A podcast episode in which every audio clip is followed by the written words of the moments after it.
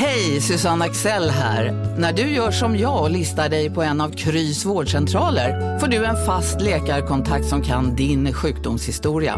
Du får träffa erfarna specialister, tillgång till lättakuten och så kan du chatta med vårdpersonalen. Så gör ditt viktigaste val idag, listar dig hos Kry. Analyspodden från Dagens Industri. Hej och välkommen till Analyspodden, Dagens Industri, podd om börsen och aktier. Idag är det jag, Agneta Jönsson, och min kollega Ulf Pettersson som står i studion. Hej Ulf! Hallå, hallå! Vad tycker du vi ska prata om idag? Det blir svårt att komma runt eh, börsoron eh, får man väl nästan säga som vi, som vi har. Och sen så har vi haft massvis av bolagsnyheter och vi har haft eh, eh väldigt stökigt i, i England eh, på deras räntemarknad och även valutamarknaden måste vi prata om. Och, ja, det finns ju att göra, det har varit vinstvarningar ett antal också. Vi kanske ska säga innan vi börjar prata allt för mycket att vi spelar in det här eh, torsdag eftermiddag, sen eftermiddag, men börsen är fortfarande öppen. Det är eh, halv fem ungefär. Så folk vet vad vi vet när vi pratar, så inte om jorden går under i morgon bitti så, så, Ja. så, så, så vet ni varför vi inte kommenterar det. Precis, och eh, nu då klockan halv fem här på torsdagen så är börsen ner 3 procent och i veckan är det ner 5 Så vi har OMX-index har satt en ny botten här under dagen. Eh, och eh, Förra veckan så sa jag att jag trodde att det skulle kanske plana ut lite runt de här nivåerna. Och det gjorde det ända fram till igår, att det började stöka i England. Och vi ser ju att det är en marknad där de långsiktiga aktörerna inte gör så mycket. Däremot är det en massa kortsiktiga aktörer in och handlar, vilket gör att det blir väldigt stora slag i enskilda bolag och utfallen på enskilda nyheter blir stora. Men annars så tror jag ändå att liksom, rapporterna kanske kan staga upp det hela lite och rikta lite fokus bort från makro också. Men vi kan ju börja med vad som hände i början av veckan här. Mm. Måndagen började ju faktiskt med två vinstvarningar direkt innan börsen öppnade. Det var Intrum och det var NCC. Eh, NCC, eller Intrum tänkte jag prata om lite längre fram här faktiskt som ett case eh, och gå igenom lite varför de tappade 18 procent och om det är motiverat. Men NCC har ju du koll på, vad hände där? Eh, ja, precis som du sa så kom den eh, tidigt måndag morgon eh, och det var en vinstvarning eh, och det var tre saker i den där som, som eh, eh, Tre, tre, tre, tre saker som orsakade vinstvarningen. Ett var eh, att det återkom sådana här eh, nedskrivningar på befintliga bostadsprojekt, 120 miljoner kronor. Eh, det var ett tag sedan NCC eh, gjorde sånt där. De hade, har en ganska trist historik vad det gäller att komma med sådana smällar. Men nu kom det en till här. Eh, den kanske inte var så mycket pengar utan värre var väl industridelen där man räknar med ett nollresultat eh, för året och man gjorde över 400 miljoner kronor i vinst Eh, 2021 då. Och det har ju att göra med industridelen är ganska mycket asfalt och asfalt är ju olja. Och, eh, eh, så det har varit en rejäl kostnads, kostnadsuppgång där som man inte har kunnat föra vidare till sina kunder. Och eh, överhuvudtaget så är det väl svårare att föra vidare till sina kunder nu än vad det var förra året när BNP växte 6 procent. Nu är det ju, ja, 2022 blir det ju fortfarande tillväxt men man räknar ju med i stort sett ingen tillväxt alls 2023 och en rejäl nedgång för, för byggsidan. Och sen så den tredje delen det var eh, att de behövde eh, lassa in lite mer pengar i sina pensions eh, åtagande. Det stod inte hur mycket det var, men det bidrog tydligen också. Och sammantaget så sänkte det aktierna, var väl ner 10 procent som mest där och eh, på ett tydligt tydlig årslägsta haft en väldigt svag utveckling. Det enda positiva med, med det som eh, to, eh, Thomas Karlsson kom med, vd på NCC, det var egentligen att de håller kvar sitt återköpsprogram så att man eh, får väl då hoppas att kassaflödet eh, kommer vara hyfsat så att de inte går bet på det också. Då. Men eh, återköpet, programmet var intakt eh, men eh, mycket annat är, är svagt i NCC just nu. Ja, och det smittade ju också av sig på andra byggbolag, till exempel så gick ju Peab ner 4,5 procent. Det är ju många som drabbas av det här med högre kostnader nu. Ja det är det och det, kommer, det ska bli ohyggligt. Vi ska väl inte prata för mycket om, om, det finns så mycket att prata om vad som hänt i veckan och vad som händer i nästa vecka. Men, men det är klart rapportperioden här om, eh, den kör väl igång 17 oktober på riktigt med Sandvik kommer ju bli väldigt, väldigt intressant att följa med vad det gäller orderingång för, för olika, olika typer av industrier.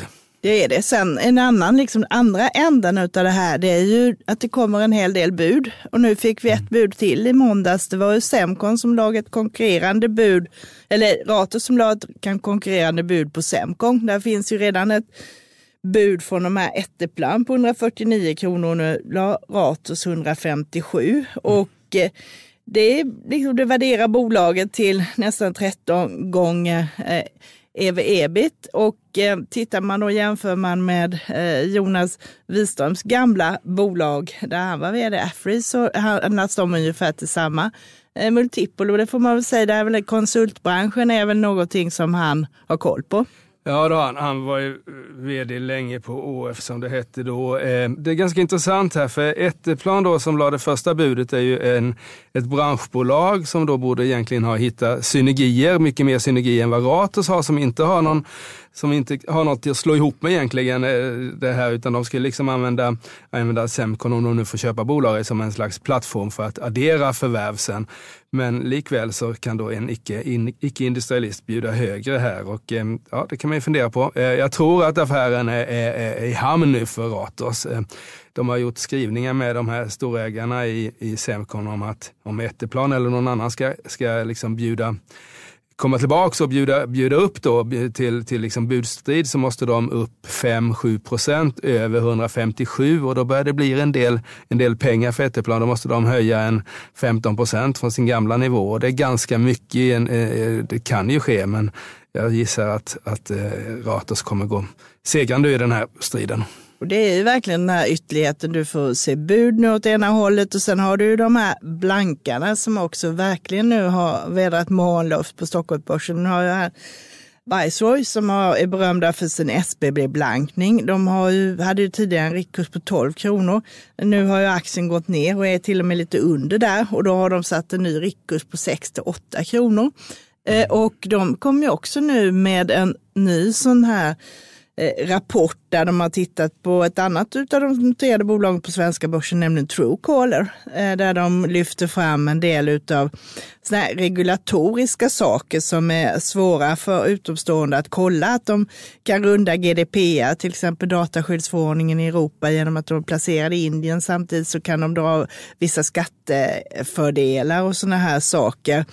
Eh, och eh, likadant så tror de den här nya lagstiftningen i Indien om då de här reklamsamtalen och det här ska göra den här appen överflödig. Och det är klart, det var ju riktigt dystert. Ett tag var den ner tvåsiffrigt igår, men sen kom det igen här. Mm.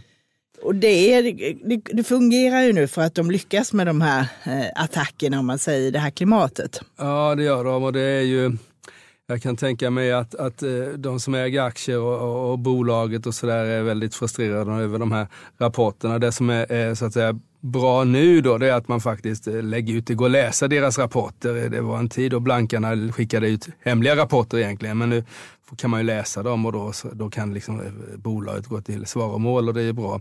Ja, Truecaller Alltså det är inte så länge sedan de kom in på börsen och det är de och Revolution Race egentligen av de, alla de som kom in på börsen 2021 som, som verkligen har levererat eh, eh som de sa, till och med bättre än vad de sa. Eh, eh, men likväl så har det varit, eh, så har både Truecaller och Revolution Race varit två riktigt dåliga placeringar eh, för de som köpte vid introduktionen och det är det har att göra, det, det är lite dels är det ju de här grejerna och även i, i Revolution Race har vi haft så att säga vdn har hoppat av och sådär. Men, men det som tror jag påverkat aktierna väldigt mycket är att de har kommit in då som tillväxtbolag. De är ju tillväxtbolag, men kom in som tillväxtbolagsvärderade och sen så har de gått ner och blivit nästan värdevärderade helt nu. Jo.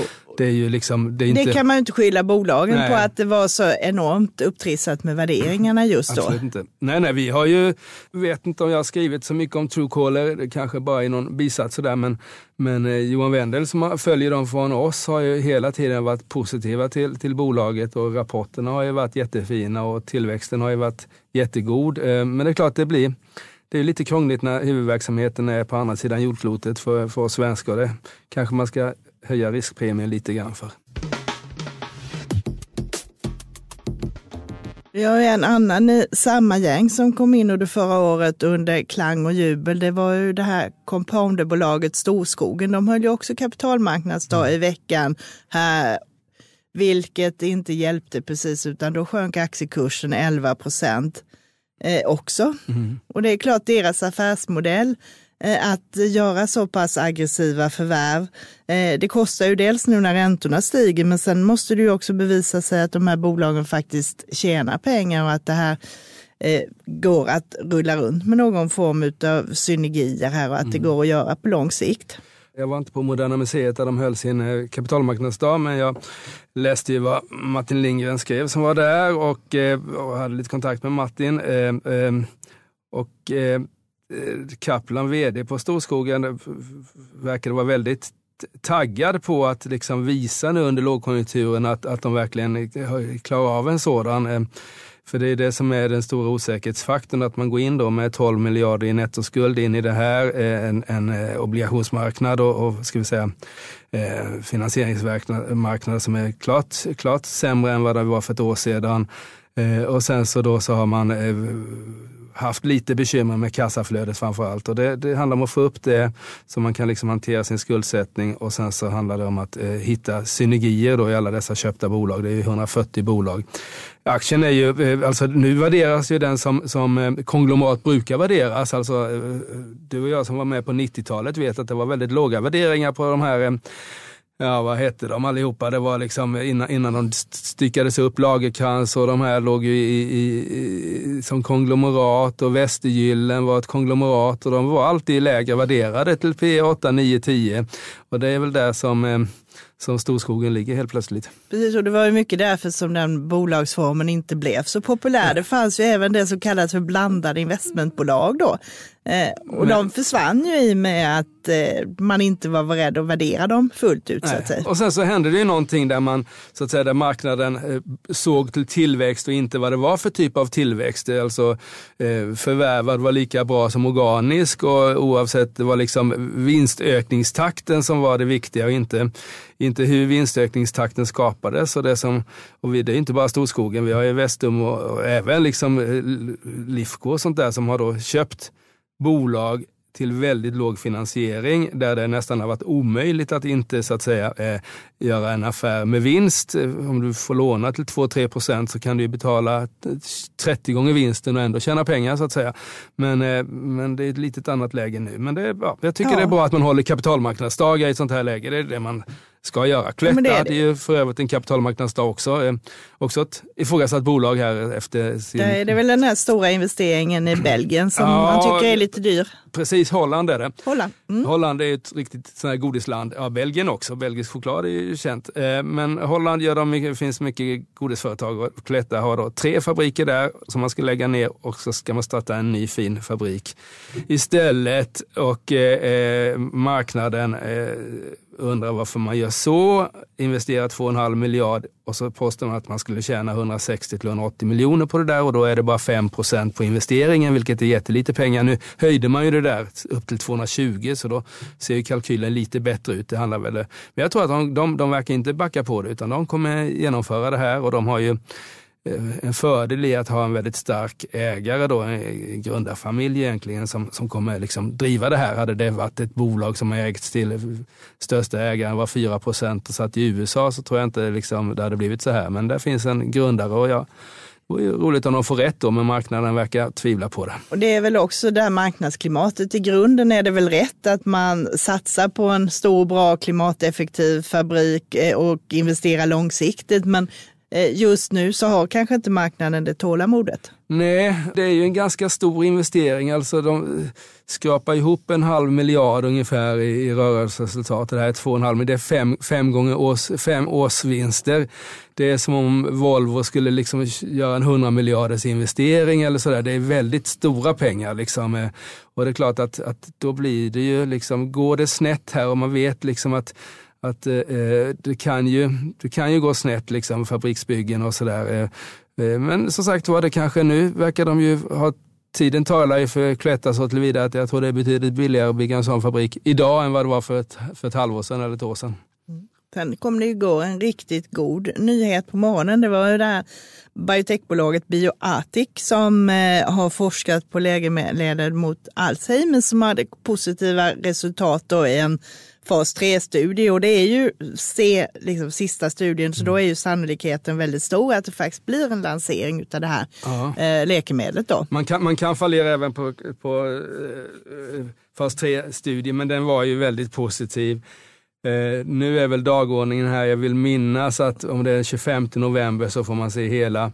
Så kommer det mer information från den här eh, studien de har gjort och sen så tror jag det är 9 januari som FDA ska ha sitt möte om den blir godkänd som läkemedel också. Det, det är klart, blir det det så är det ju en fantastisk succé. Det är väl liksom det är ju uh, Astra Lose-klass på det där, om inte ännu bättre egentligen. Och det är det ju det, och det är ju så man prissätter det nu. Nu ökar ju sannolikheten och då sätts Mm. priset upp med den sannolikheten. Men det är ju som du säger, det kan fallera och blir det godkänt då finns det ju mer att hämta i aktien. Ja, ja, alltså Alzheimers är ju liksom, eh, den finns i hela världen, drabbar liksom folk blir äldre och äldre och det kommer ju öka liksom efterfrågan. Då betyder det att fler och fler får Alzheimers. Så det kan man liksom, nu är inte det här en, ett botemedel, det är en bromsmedicin som det verkar nu, men de är ju ganska optimistiska om man de lyckas sätta in det väldigt, väldigt tidigt så kan man liksom bromsa det här riktigt länge. Och det är ju så liksom när man är 65-70 så är 3, 4, 5 år väldigt många år eh, och det är klart att då finns det ett jättestort behov. Den ska väl kosta en halv, en halv, miljard, eller en halv miljon ungefär, 400 000 tror jag, liksom, och när, om, om, det blir ett, om det blir ett läkemedel. Vi får, vi får följa det med intresse här. Sen kommenterade du H&M som rapporterade idag på torsdagsmorgonen i tv här. Den var ju också svagare än väntat trots att man egentligen var rädd för att det skulle vara lite svagt. Man, man hade ju försäljningssiffrorna klart för sig redan. Det var en försäljningsökning på 3 procent eh, till följd av den svaga kronan då när man räknar om utlandsförsäljningen. Tar man eh, eh så att säga eh, varje land för sig och tar bort valutaeffekten så var nedgången i försäljning 4 vilket var, man tyckte var svagt när det kom för ett par veckor sedan. Och nu kom då resultatet. Och eh, man hade kostnader på, i Ryssland då på 2,1 miljarder, det visste vi om. Och eh, justerar man för det där så, så tjänade de, ehm, eh, om jag kommer ihåg rätt nu, 3 miljarder eh, precis. Och förra året gjorde de en vinst på 6,2 miljarder. Så det var mer än halverad vinst. Och det var ju, eh, marknaden förväntat sig en, en och en halv miljard kronor bättre än vad H&M, än vad H&M kommer. Och jag sa i morgondagens, eh, den här Börsmorgon då, Rapportmorgon, eller vad man ska kalla det, eh, att den skulle ner 5-10 procent och det var den ju där i, i början. Eh, och sen så bättrade den på sig faktiskt eh, under, under Helena Helmerssons presskonferens när de pratade om att de skulle minska capex. Och det gillar marknaden då, alltså att peng, mindre pengar ut i bolaget. Men nu när börsen faller ihop här på, på eftermiddagen så är den ner under 100 kronor. Det har den inte varit sedan 2004, hm aktien Och om det är botten eller om vi ska ner eh, ännu längre, det får vi se. Jag tror att eh, just nu finns det ju inte mycket triggers i, i H&M egentligen. Eh, de flaggade för ett svagt Q4 också. Dollarn har ju inte liksom, den fortsätter stiga och det är jättetufft för, för sådana som köper in i dollar och säljer i svenska kronor, mestadels euro. Det, och de har ju verkligen haft valutan mot sig ja. ordentligt nu och sen har du ju även haft eh, fraktraterna har ju varit mot dem nu under det här kvartalet också. Och lageruppbyggnaden består väl också en hel del på valutaeffekter? Ja, det var den, men den var även den var upp 28 procent eh, totalt då, men 14 procentenheter var valuta och 14 procentenheter var så att säga fler kläder.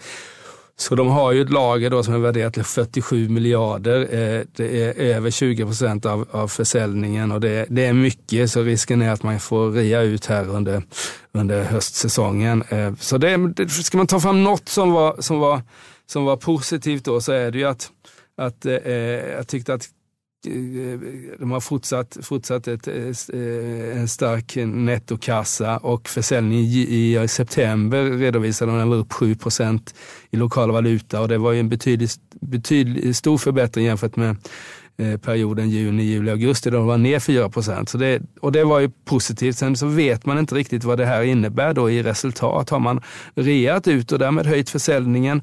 Man har vad jag förstår öppnat upp i Ryssland för att sälja ut för att senare stänga sina butiker. Där har det också gjort att septembersiffrorna 7 procent blev så höga.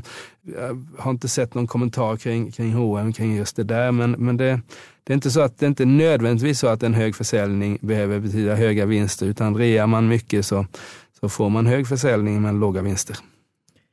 Ska vi släppa det lite och gå mm. över till näst, den andra dramatiken i denna veckan som var på räntemarknaden mm. faktiskt. Mm. Där har du stormat till ordentligt. Eh, på tisdagen var amerikanska tioåringen uppe över 4 procent för första gången i år här. Eh, och sen igår så stökade det till ordentligt på den brittiska marknaden. Mm. Eh, den brittiska tioåringen var uppe i 4,60 och sedan så kom ju centralbanken in och gjorde ordentliga stödköp som skickade ner den till 3,90.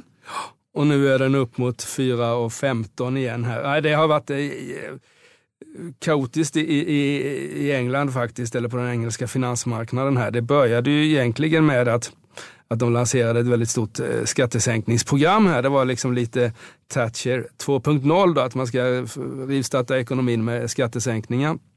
De där, alltså... Men det är ju ganska kåkat när sen centralbankerna gör...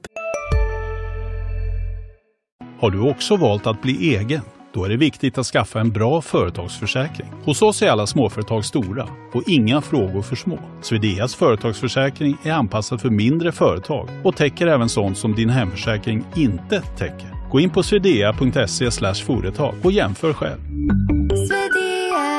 Hej, Synoptik här. Hos oss får du hjälp med att ta hand om din ögonhälsa.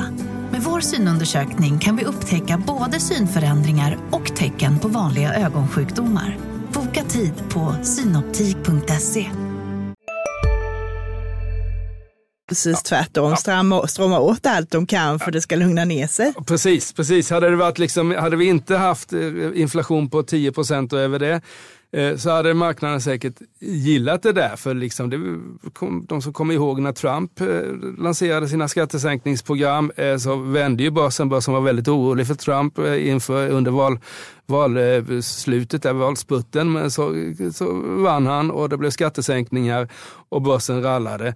Men eh, att i detta läget när det handlar om att få ner tempot i ekonomin för att få bromsa inflationen komma med så stora skattesänkningar är dessutom en ekonomi som liksom, eh, redan är lite knagglig. Så då börjar man dels så, och då skickade, då skickade marknaden upp räntan och det gjorde man, ska jag säga, två anledningar. Dels för att en sån stimulans till ekonomin gör att inflationen stiger och då stiger räntan. Plus att man kan fundera på hur man ska finansiera det här då. Ska man låna mycket pengar så brukar man betala högre pengar än lite, lite pengar och det var det, det var det som hände.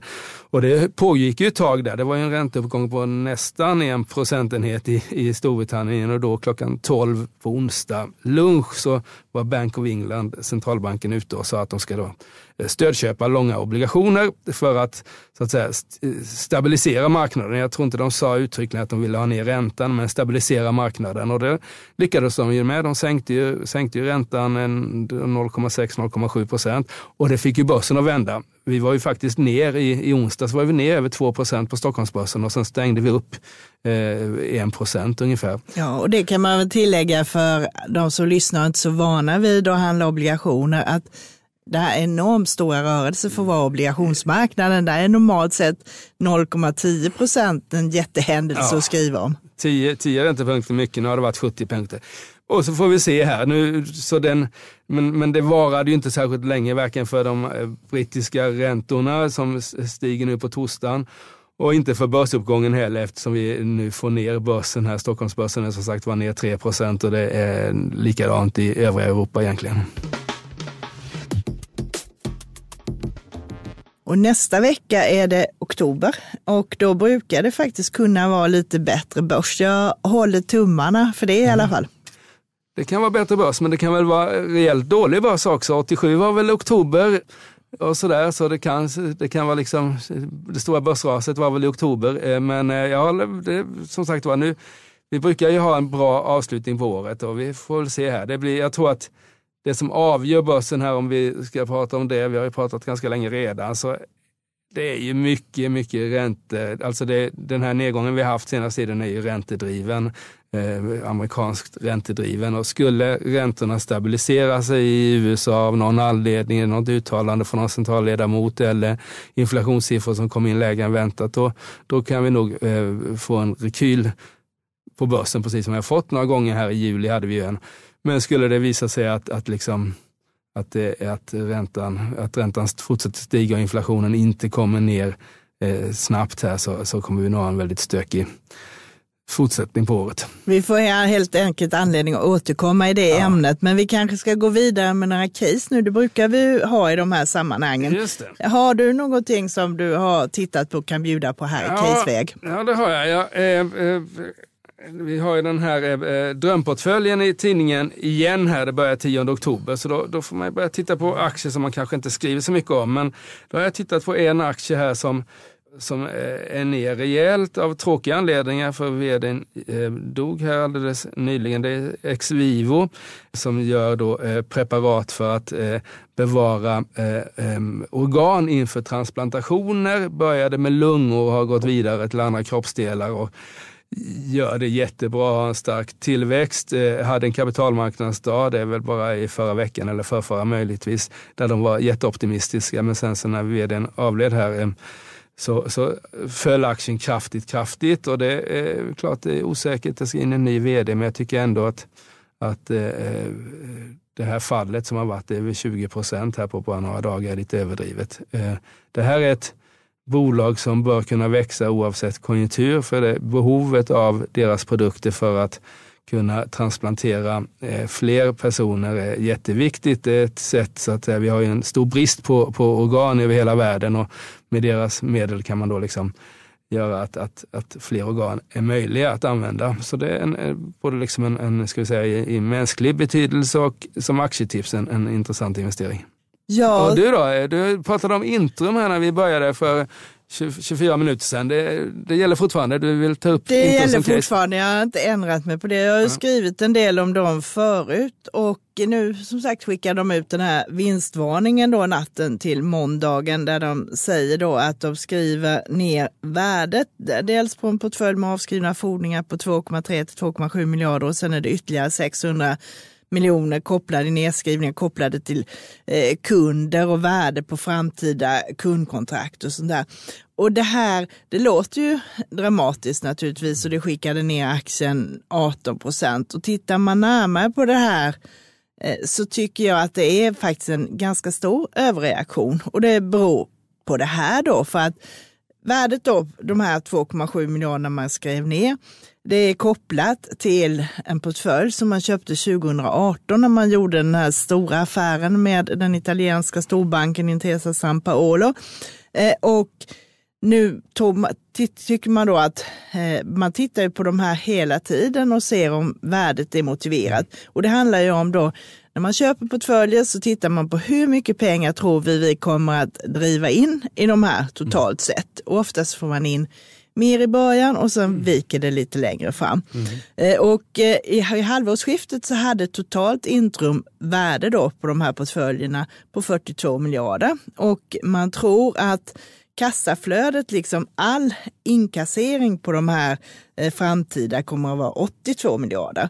Och det här man nu tar bort då, det motsvarar 2 procent av kassaflödet. Mm. Så det är faktiskt ganska lite och dessutom kommer det inte inträffa förrän från 2025 och framåt. Så det har ingen påverkan just nu. Däremot har det påverkat på värderingen och mm. Eh, bokföringsmässigt så påverkar det resultatet eftersom värdeminskningar på tillgångar kommer in där. Helt enkelt. Och vad är det då? För 18 procent är det mycket. Är det att folk tycker att, att liksom den här balansräkningen blir då så att säga åtminstone eh, synligt, så även om det kanske inte har så stor praktisk effekt egentligen med tanke på att det har så liten kassaflödets effekt, är det, är det liksom att eller hur kan man skicka ner den 18 procent på något som är 2-3 procent varaktigt? Är det, är det att eh, bolagets skuldsättning liksom eh, värderas på något annorlunda sätt? Att man förväntar sig liksom nyemission eller, eller vad tror du gjorde att det tror så en, ett moment i det här är ju att de har en tredjedel av verksamheten i det man kallar för strategiska marknader. Det är ju Italien, Grekland och Spanien. Mm. Vi har sett att Intrum har alltid fått mycket stryk när det stökar kring makro i mm. Italien. Och det kan man ju minst säga att man är lite orolig nu för södra Europa mm. som drabbas hårt av de här höga eh, gaspriserna. Och du har också oro för hur människor ska klara det här med om de får behålla jobb och sådana mm. här grejer. Så det tror jag är en effekt. Den andra är ju också som man får fundera lite på eh, är att de har en skuldsättning. De har större delen av deras lån är en obligations så har de lånat på obligationsmarknaden 45 miljarder och det är obligationer i euro framför allt som förfaller här 2024 till 2027. Och det beror på hur de kan refinansiera om sig och till vilken ränta. Eh, går räntan upp så blir det ju dyrare och då kommer du inte kunna få den här avkastningen på portföljerna mm. eh, som man har haft. Nu har man legat på 14 procent. Mm. Och eh, stiger räntan så blir ju den lägre. Mm. Sen har du de här mekanismerna också. En stor del av verksamheten det är ju att de inkasserar fordringar för, för sina kunders räkning. Så att säga kredithanteringsverksamhet. Mm. Och den brukar volymerna öka när det är dåliga tider. Mm. Men å andra sidan eh, sett så i andra änden då på försörjningarna så är ju folk lite sämre på att betala mm. och sedan kan du då köpa nya portföljer till lägre pris. Så det här mm. brukar ändå jämna ut sig ganska mm. väl om det inte blir riktigt dåligt mm. så att liksom det blir massarbetslöshet och så. Då slår det ju ordentligt. Tror du, tror du storägaren eh, sitter och funderar på om de ska köpa ut det rent av? Det är Nordic Capital som som sitter där? Eh. De har ju äger 37 procent nu. Ja. De har ju kommit, sålt av och minskat sin andel. Eh, och jag tror de hade väl hellre snarare på att det skulle varit kunnat göra en exit nu mm. de närmaste åren.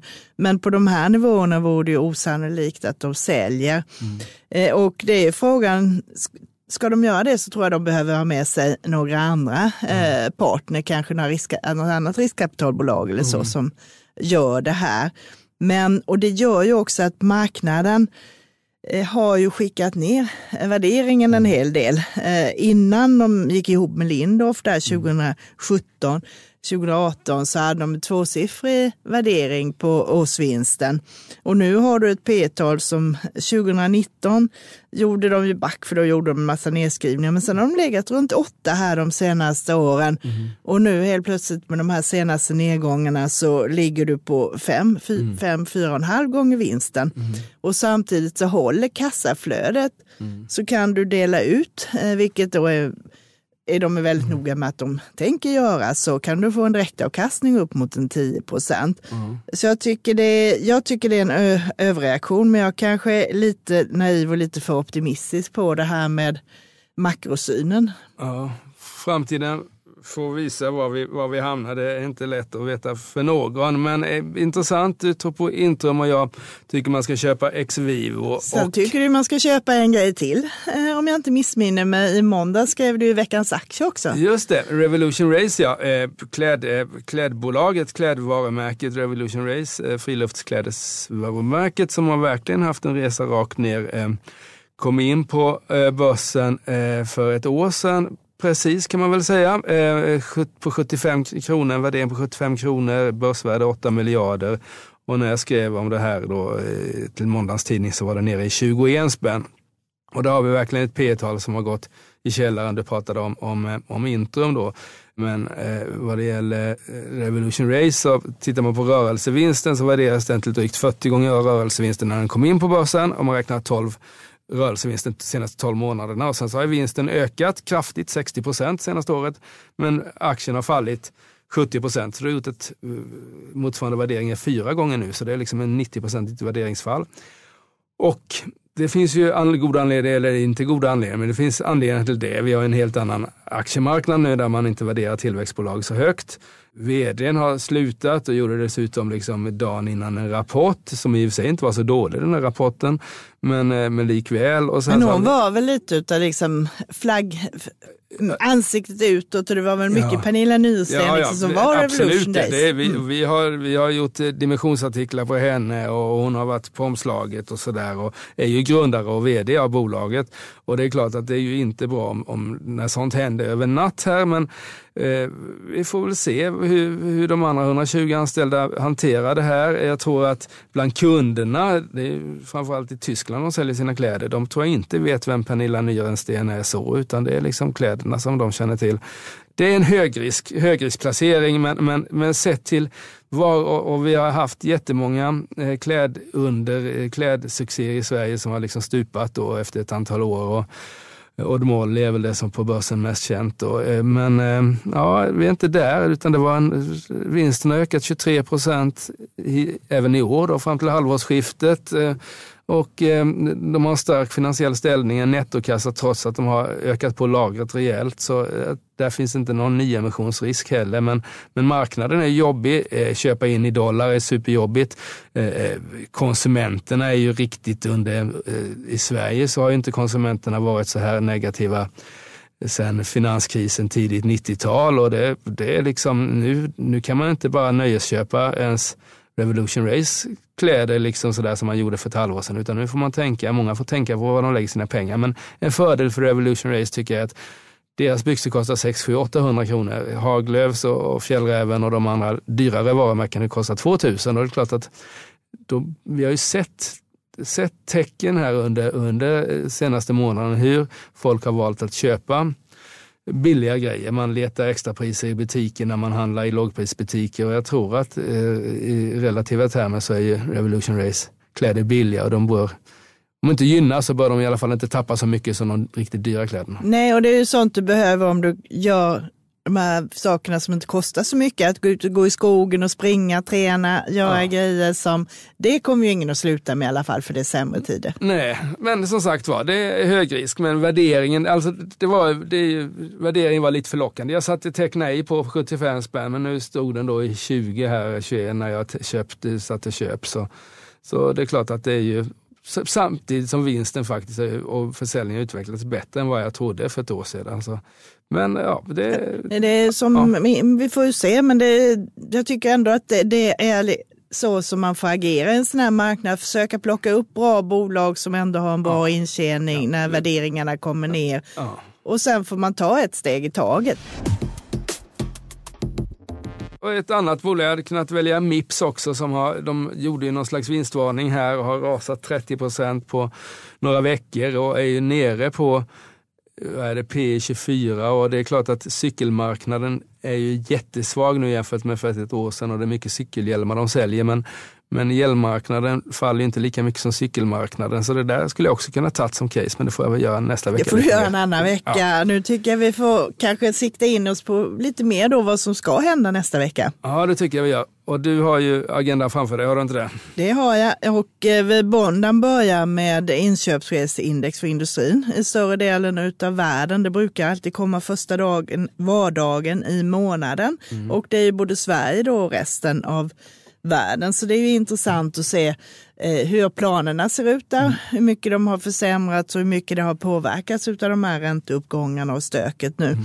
Och sen på tisdag så kommer ju Skistar ja. eh, med rapport. De kommer med sitt bokslut då, för de har ett brutet år. Och det är väl kanske inte så mycket siffrorna hur det har varit som är intressant som bokningsläget framåt. Mm. Ja, kanske lite till september. Ja, men det ska börja synas nu lite grann i, i, i bokningsläget där. Och där tror jag det kommer bli en del frågor kring, kring eh, elpriser och sånt där. Nu ligger inte de i, i riktigt i, i, i zon 4, väl i alla fall el, elområde 4, men det är klart att det, det kostar en del att göra snö eh, och sånt där och får vi se vad, vad, hur, hur de tacklar det. Sen har vi på onsdagen så kommer det motsvarande intjänste inköpschefsindex för tjänstesektorn eh, som också är intressant. Den har ju stått emot tidigare bättre och hur det klarar sig där. Eh, och du kommer få lite månadsstatistik från Avanza hur kunderna agerat. Eh, och eh, på torsdag så kommer Industrivärden, det är det första större bolag kan man väl mm. säga, som kommer med ett tredje kvartalsrapport. Här de är snabba och stänger böckerna eftersom de bara behöver räkna ut hur mycket bolagen är värda på senaste aktiekursen där. Mm. Och sen har du New Wave som du är duktig på och har följt har kapitalmarknadsdag. Precis, eh, och det blir ju intressant att höra eftersom eh, faktiskt eh, Torsten Jönsson i New borde ju ha väldigt bra koll på hur tredje kvartalet har gått egentligen. Det är nästan så att han borde leverera några siffror där om man kommer den, den eh, sjunde med en kapitalmarknadsdag. Eh, han köpte lite aktier också, eh, såg jag i veckan. Den har ju gått nu tror jag den är ner för året här, men den har ju ändå gått, klarat sig väldigt mycket bättre än mycket annat som är, är sällanköpssektorn här efter starka rapporter.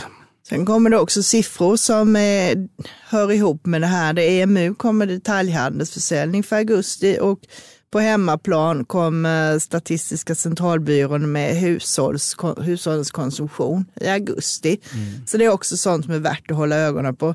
Och sen avslutas veckan med Storytel, har en liten sån här light-rapport där de talar om hur många abonnenter de har. Mm. Claes Olsson kommer med försäljningssiffror för september och så får vi huvudnumret då, amerikanska sysselsättningssiffrorna här för mm. september. Och där är ju eh, väldigt intressant att se, för jag vet att eh, förra månaden så reagerade marknaden positivt på de där siffrorna. Och det har att göra med att eh, det var väl att eh, dels löneökningstakten tror jag inte ökade riktigt lika mycket som väntat, men framförallt så kom det mer folk in på arbetsmarknaden, så arbetslösheten steg då, även om så att säga, antalet nya jobb var, var ganska starkt. Jag, marknaden vet jag inte vad den vill ha egentligen, eller på säga. Men normalt sett så stiger börsen om det kommer in en stark siffra, det vill säga att det är många som har fått jobb och faller och det är få som har fått jobb. Men nu är man ju väldigt orolig för, för eh, räntehöjning och inflation och skulle det visa sig att arbetsmarknaden fortsätter vara väldigt, väldigt stark här så kan det ju vara så att att liksom Fed, Fed eh, höjer sin så att säga, blir ännu mer stram. Så det, det, är inte helt, det är inte lika enkelt längre att säga hur börsen går utifrån siffrorna, utan det, det är dagsformen på börsen som avgör. Visst är det så. Nu är det lite att man vill ha det här lite lagom ja. Eh, för att Fed liksom ska fortsätta vad man har sagt, varken mer eller mindre, ja, utan ja, det ska bara precis, tuffa ska på lite. lite. Lite, lite sämre än väntat, men inte så mycket, eller i linje tror jag marknaden vill ha, inte liksom någon, någon höjda siffror åt något av hållen. Så det var väl det vi hade att säga idag. Här. Det har vi, så då återstår det bara för oss att eh, tacka för oss och påminna alla lyssnare där ute om våra övriga poddar. Ja, vi har flera stycken. Makrorådet här med Viktor Munkhammar spelade in ett färskt avsnitt imorgon, eller igår, eh, onsdag, så missa inte det. Vi har Digitalpodden eh, och vi har Smarta pengar och den dagliga podden Morgonkoll och sen har vi också DIs ledarpodd. Precis. Tack för att ni lyssnade. Det här spelades in torsdag eftermiddag så ni vet det och så får ni ha en skön helg efter en eh, förhoppningsvis god fredag. Tack och hej. Hej. Hej då. Analyspodden från Dagens Industri. Programmet redigerades av Umami Produktion. Ansvarig utgivare Peter Fellman.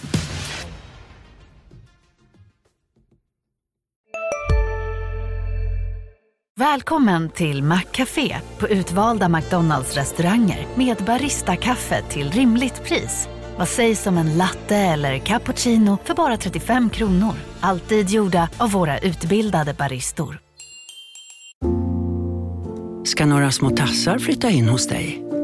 Hos Trygg Hansa får din valp eller kattunge 25% rabatt på försäkringen första året. Läs mer och teckna djurförsäkringen på trygghansa.se. Trygg Hansa, trygghet för livet.